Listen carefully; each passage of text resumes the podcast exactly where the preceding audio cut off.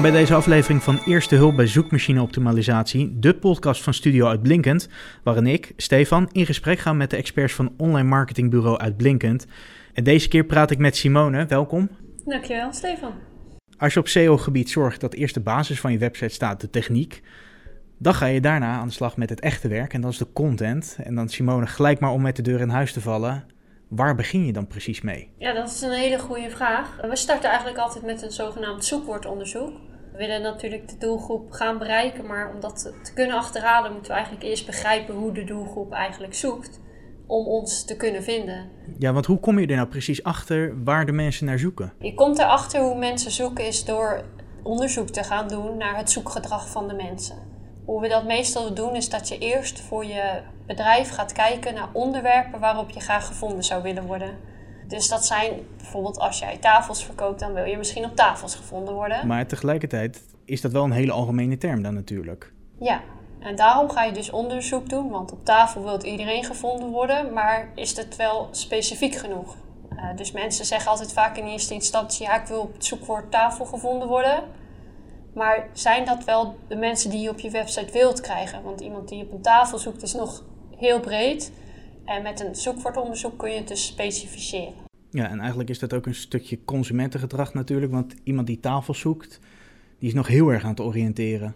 Klopt. Je begint dus met een bepaalde onderwerpen, maar uiteindelijk wil je daar zoekwoorden van gaan maken. Dus dan ga je kijken, oké, dit zijn de onderwerpen waar ik op gevonden heb, maar wat zijn de zoekwoorden? Want je kan zeggen, nou, we zoeken op tafel, maar het kan ook een andere manier zijn hoe mensen zoeken. En dat is wat je eigenlijk gaat doen met een zoekwoordonderzoek. Ja, en in het geval van tafels zou het dan bijvoorbeeld kunnen zijn houten tafels, eettafels, salontafels of misschien is dat ook nog te algemeen. Ja, want je hebt natuurlijk houten tafels, ja, die verkopen heel veel mensen. Maar je kan hem ook richten op een specifieke uh, doelgroep qua budget. Dus als jij luxe uh, houten tafels verkoopt, kan dat een term zijn die wellicht interessant voor je is. En door zoekwoordonderzoek te doen, ga je daar achter komen. Oké, nee, handig.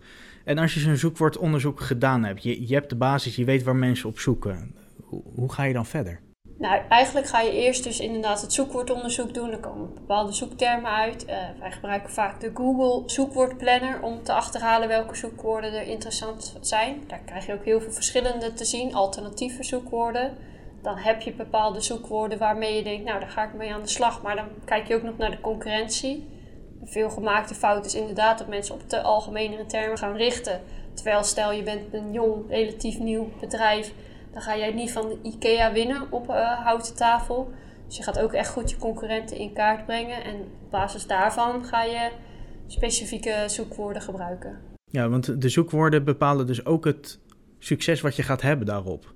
Dus als je inderdaad zoekwoorden hebt die bijvoorbeeld IKEA ook volop gebruikt, dan is de kans klein dat je hoger dan hun gaat komen. Ja, dan is de concurrentie heel erg hoog. Dus een ander voorbeeld is bijvoorbeeld het taart. Iedereen houdt van taart. Zeker. Maar um, als je taarten verkoopt, ja, er zijn heel veel bakkers in Nederland. Maar als jij bijvoorbeeld in Eindhoven zit of in Gorinchem en je hebt een specifieke taart, zeg een appeltaart, appeltaart in Gorinchem dan heb je al een veel specifiekere doelgroep. De, het zoekvolume zal lager zijn, maar je hebt wel veel specifiekere mensen die je target. Dus die mensen zijn echt op zoek naar een appeltaart in Gorkum. Dus eigenlijk heb je dan verkeer op je website waar je wel echt wat aan hebt ook. Ja, die zijn veel interessanter, omdat die, de zoekwoord is veel concreter. Ze noemen dat ook wel longtail keywords. Dus dat zijn eigenlijk zoekwoorden die uit meerdere woorden bestaan, zoals de naam al doet vermoeden. En die zijn vaak zeker voor organisaties die net nieuw zijn of nog weinig online hebben gedaan, zijn die heel interessant. Omdat die mensen al veel verder in hun proces zijn dan bij een houten tafel. Dat kan ook heel oriënterend zijn. Ja, en dan bij het voorbeeld van appeltaart en gorkum, dan moet je natuurlijk zorgen dat je content, en dan hebben we het straks over welke vormen van content er allemaal zijn, uh, dat daar natuurlijk het zoekwoord in terugkomt. Anders word je alsnog niet gevonden. Klopt dat is belangrijk. Vervolgens, als je weet op welke zoekwoorden je wilt gaan inzetten, dan moet je pagina daar goed op aansluiten. En eigenlijk je hele website sluit daar dan goed op aan. Ja, want dat aansluiten erop, hoe doe je dat met goede content? Want content is er in allerlei vormen. Wat is het meest effectief om te zorgen dat je met je website zo hoog mogelijk in de zoekmachines komt? Ja, eigenlijk is de gebruikservaring het belangrijkst. Dus uiteindelijk gaat het erom dat mensen vinden wat ze nodig hebben en dat je website gewoon uh, gebruiksvriendelijk is. Dus dat iemand makkelijk een taart kan bestellen. Maar ook dat iemand op de juiste pagina komt.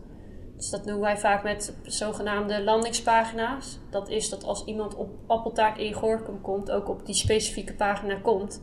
En stel die bakker zit naast die Gorkum ook in Utrecht, dat diegene wel echt op die pagina komt in Gorkum. Ja, en voor Utrecht maak je dan een aparte pagina weer? Ja, daar maak je dan specifiek, omdat je daar je doelgroep weer op wil targeten. Dus de truc is eigenlijk om te zorgen dat voor de zoekwoorden waarop je gevonden wil worden, dat je een aparte pagina in dit geval maakt. Dat is de grote tip. Ja, dat is wel de grote tip. Daarbij wil ik wel als side note wel aangeven dat je echt niet 3000 pagina's hoeft te maken. Google is hartstikke slim, dus als je bepaalde synoniemen hebt, dan zou mijn advies wel altijd zijn om die te combineren. Als je het over uitjes hebt, bedrijfsuitjes. Mhm ja, je kan personeelsuitje, bedrijfsuitje, zou je allemaal een aparte landingspagina van kunnen maken, maar die kun je ook gewoon prima combineren. Dat scheelt dan inderdaad. En als je pagina's maakt, uh, stel we komen weer terug bij die bakker, ze hebben geen twee, maar vijf vestigingen. Dan maak je natuurlijk per eh, vestiging een aparte pagina per plaats. Kan je dan gewoon de tekst kopiëren, plakken en gewoon de plaats aanpassen? Of vergt het wel wat meer werk?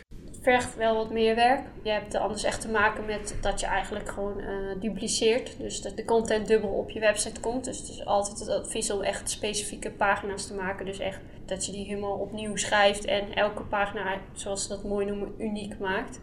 Ja, ons advies is altijd wel om echt de pagina's allemaal uniek te maken. Ja, anders heb je er alsnog weinig aan natuurlijk. Klopt. En je wilt het ook goed laten aansluiten op de mensen. Kijk, een, een taart zal wellicht niet zozeer specifiek zijn op een locatie, maar al ga je een ballonvaart doen, dan is het, en de pagina gaat over bepaalde plaats die je graag wil zien, ja, dat moet je wel heel specifiek maken en niet te algemeen, want je ziet niet hetzelfde in Gorkum als in Utrecht. Nee, dat is ook zo inderdaad. En in een vorige eh, aflevering gaf Maarten aan dat in dit geval zoekmachine Google op meer dan 200 punten beoordeelt. Positief, uh, maar ook negatief. Maar als je dan bijvoorbeeld die, die dubbele content op je website hebt, gewoon vijf pagina's met dezelfde inhoud, alleen steeds die plaats aangepast, word je daar dan ook op afgestraft? Dat zou zeker kunnen. Het staat nergens in de boeken geschreven waar je echt op afgestraft wordt, maar het is wel een van de punten die Google duidelijk aangeeft om niet te doen. Dus ons advies is ook om dat zeker nooit te doen en altijd unieke content uh, te schrijven. Nou, korte tijd zijn we er dus al achter gekomen dat er verschillende soorten zoekwoorden zijn. Uh, net kwam al longtail keywords aan, bod. Zijn er ook meerdere soorten die nog eventjes belangrijk zijn om uh, toe te lichten? Naast de longtail keywords heb je inderdaad ook de short keywords. Dit zijn eigenlijk de woorden die uit één woord bestaan. Zoals net aangaf is eigenlijk longtail keywords vaak interessanter, maar dat wil niet zeggen dat het niet mogelijk is. Want uiteindelijk moet je ook gewoon naar de markt en de concurrenten kijken dus stel je zit heel specifiek, dan kun je best daarop inzetten. En het is ook net hoeveel marketingbudget je hebt. Alles is mogelijk. Uh, maar zeker voor de nieuwe kleine ondernemers is vaak het advies de long keywords. Ja, en dan bedenk ik me zo dat het voorbeeld van net tafels, dat je daar als nieuwkomer nooit op moet gaan zitten. Maar misschien hele specifieke productnamen. Bijvoorbeeld een speciaal soort boutje dat je kan gebruiken om een bepaald onderdeel in je auto vast te zetten. Of misschien een bepaald merk auto. Daar heeft het dan weer wel zin om die naam te gebruiken. Ja, dan ben je al veel specifieker. En ja, uiteindelijk moet je wel altijd ook kijken, is er zoekvolume naar? Maar wat wij wel ook altijd zeggen is, kijk, je kan op zoekwoorden zitten die gemiddeld duizend zoekopdrachten per maand hebben. Dan denk je, dan krijg ik die duizend. Dat is natuurlijk niet gegeven, maar soms hebben ze maar gemiddeld 10 zoekopdrachten per maand. Maar zijn dat wel net de 10 die bij jou kopen? Dus stel je verkoopt auto's en wordt toch 10 auto's verkocht door dat ene zoekwoord. Kan die heel interessant zijn. Dus veel mensen kijken altijd naar het gemiddelde maandelijkse zoekopdrachten. Maar wij zeggen, pin jezelf daar niet op vast. Kijk ook in hoeverre iemand al is in zijn eh, funnel. Dus als iemand al verder concreter is, bijvoorbeeld bij een auto, die zoekt echt al specifiek op een autotype, want die wilt hij gaan kopen ja, die is natuurlijk veel interessanter dan iemand die op BMW zoekt. Want ja, ja die weet je nog niet eens of dat iemand daadwerkelijk gaat kopen. Ja, dus eigenlijk moet je je vooral richten op in eerste instantie wel het zoekvolume, maar vervolgens kijken naar wat is het gewenste resultaat. Ja, en dan heb je dan ook nog de niche keywords. Dus dan ga je heel specifiek op jouw niche-markt richten en alles daar rondom bespreken en daarop richten. Ja, handig. En we hebben nu dan gehad wat voor soort keywords er zijn, of de zoekwoorden. en wat het belang is van een zoekwoordonderzoek. Maar hoe kom je zelf achter die zoekwoorden? Kan dat überhaupt? Kan je er zelf achter komen? Zeker. Een makkelijke manier is de shares van Google. Dat is eigenlijk dat jij het onderwerp of het zoekwoord wat al in jou opkomt. Bij je organisatie heb je vaak dan een bepaald beeld.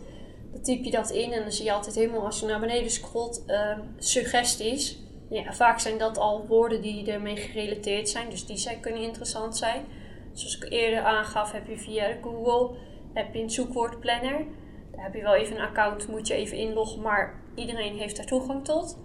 En daar kun je, zeg maar, wat ik net aangaf met die gemiddelde maandelijkse zoekopdrachten en hoe groot de concurrentie is. Daar kun je ook zien als je bijvoorbeeld later Google Ads gaat doen, uh, hoeveel het kost om op een bepaald zoekwoord te richten. Dus dat is een hele goede tool. Daar heb je ook nog tools als Uber Suggest, waarbij je alle zoekvolumes kan zien. er zijn echt wel verschillende tools die je kunt inzetten waarbij je gewoon zoekvolume kan zien. En wat vaak ook handig is bij die tools, is dat ze gerelateerde zoektermen laten zien. Dus je maakt een bepaald lijstje met de onderwerpen en dan komen de zoekwoorden uit. Maar je weet niet alles. Je doet onderzoek, maar Google laat ook zien gerelateerde zoektermen waar je misschien zelf nog niet aan gedacht hebt. Dus die kun je dan ook weer gebruiken. En je gaf al aan dat je soms achter zoekwoorden komt waar je nog niet aan gedacht had. Nu kan het ook wel eens zo zijn natuurlijk dat je je website al helemaal klaar hebt gemaakt, je op SEO hebt gericht en dat er dan zoekwoorden blijken te zijn waar mensen op zoeken en je gelukkig wel op vinden, maar waar je niet heel veel content over hebt gemaakt. Kan je op een of andere manier achter die zoekwoorden komen en je dan daar ook meer op richten? Ja, dat kan zeker. Google heeft verschillende tools. Later zullen we dat ook nog een keer verder bespreken. Maar een van de tools is Google Search Console. Daar kun je zien op welke zoekopdrachten mensen je hebben gevonden. En dat kan dus zoekopdrachten zijn waar je je nog niet op richt. En ook via plugins op je website kun je ook achterhalen op welke termen mensen hebben gezocht om je te vinden. Wat ook een belangrijk is dat uh, je doet altijd aan het begin een zoekwoordonderzoek, maar veel mensen vergeten dat later te doen. Maar de ontwikkelingen zijn, gaan continu door. Dus het kan zijn dat iemand eerst heel veel op een bepaalde term, dat daar zoekvolume op zit en dat een, na een half jaar mensen op een andere manier zoeken. Dus ons advies is ook altijd om wel meerdere malen het zoekwoordonderzoek opnieuw te doen, om ook te kijken of je nog steeds de goede doelgroep bereikt en of dat er misschien weer andere kansen liggen. Handig inderdaad, want SEO is een continu proces, werd al eerder duidelijk.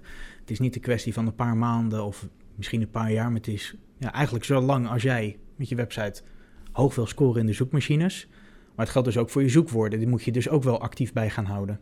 Ja, en dat geldt ook voor de pagina's die je er vervolgens mee maakt met de content. Die content moet blijvend aansluiten. Dus je kan een keer een pagina schrijven, maar past die nog bij je bedrijf is de vraag. En ook sluit die tekst nog goed aan op de zoekwoorden. Dus het advies is dat je daar altijd wel in blijft ontwikkelen. En die zoekwoorden die gebruik je dan voornamelijk in teksten om te zorgen dat die pagina's gevonden worden. Is er een bepaald trucje dat je bijvoorbeeld zeg maar 20 keer dat zoekwoord op die pagina moet plaatsen? Vroeger was het heel duidelijk dat je tussen de 2 en 6 procent bijvoorbeeld van het totaal aantal woorden van je pagina gebruikt. En nu is het veel meer dat echt om de gebruikservaring gaat. Dus stel je hebt een tekst van 300 woorden, max 6 keer niet continu maar dat woord blijven benoemen. Want wat we eerder zeiden, gebruikservaring, als jij in een tekst 100 keer het woordje auto leest, dat is niet fijn.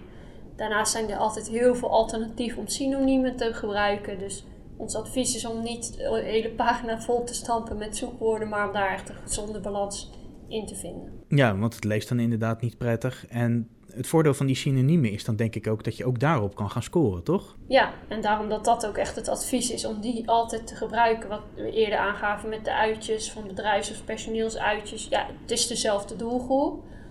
Maar het zijn twee andere zoektermen waar op allebei de zoektermen weer zoekvolume zit. Dus eigenlijk kun je dan dubbel gevonden worden als je het even zo snel uh, zou uitrekenen. Ja, want dat lijkt me ook voor een heleboel bedrijven het, het, het, lastige.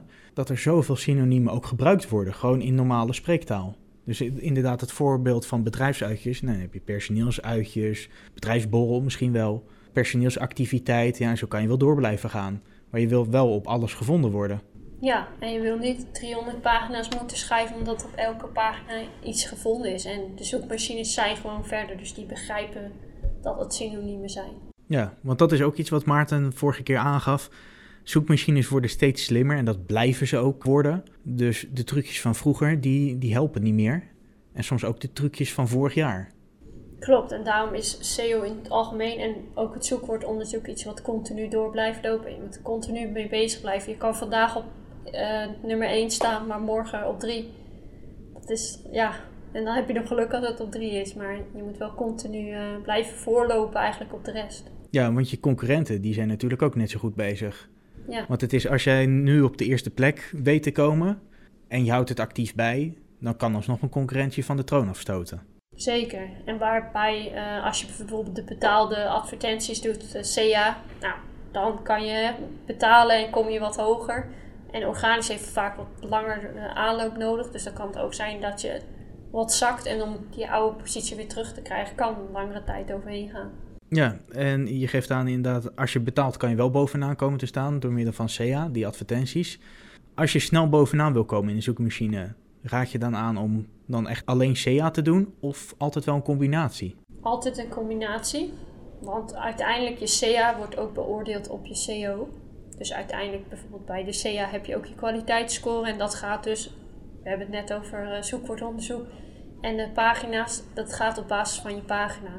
Dus als je taarten verkoopt, dan moet de campagne ook op de goede pagina landen, zodat de mensen juist geïnformeerd worden. Daardoor kom je ook weer hoger in SEA. Het is niet zo als je maar genoeg geld ligt dat je altijd boven komt. Bij SEA komt wel meer kijken, maar daar zijn de kansen wel sneller om bovenaan te komen dan organisch. Alleen organisch kost je uiteindelijk minder. Oké, nee, helder. Tot zover de uitleg over zoekwoordonderzoek en alles rondom zoekwoorden. Heb je nou een vraag voor Simone? Dan kan je die altijd mailen naar studio.uitblinkend.com. En ik beloof je, Simone zal altijd antwoorden. En aan het einde van deze podcastreeks gaan we ook een aantal vragen behandelen in een uitzending. Dus alle vragen worden beantwoord.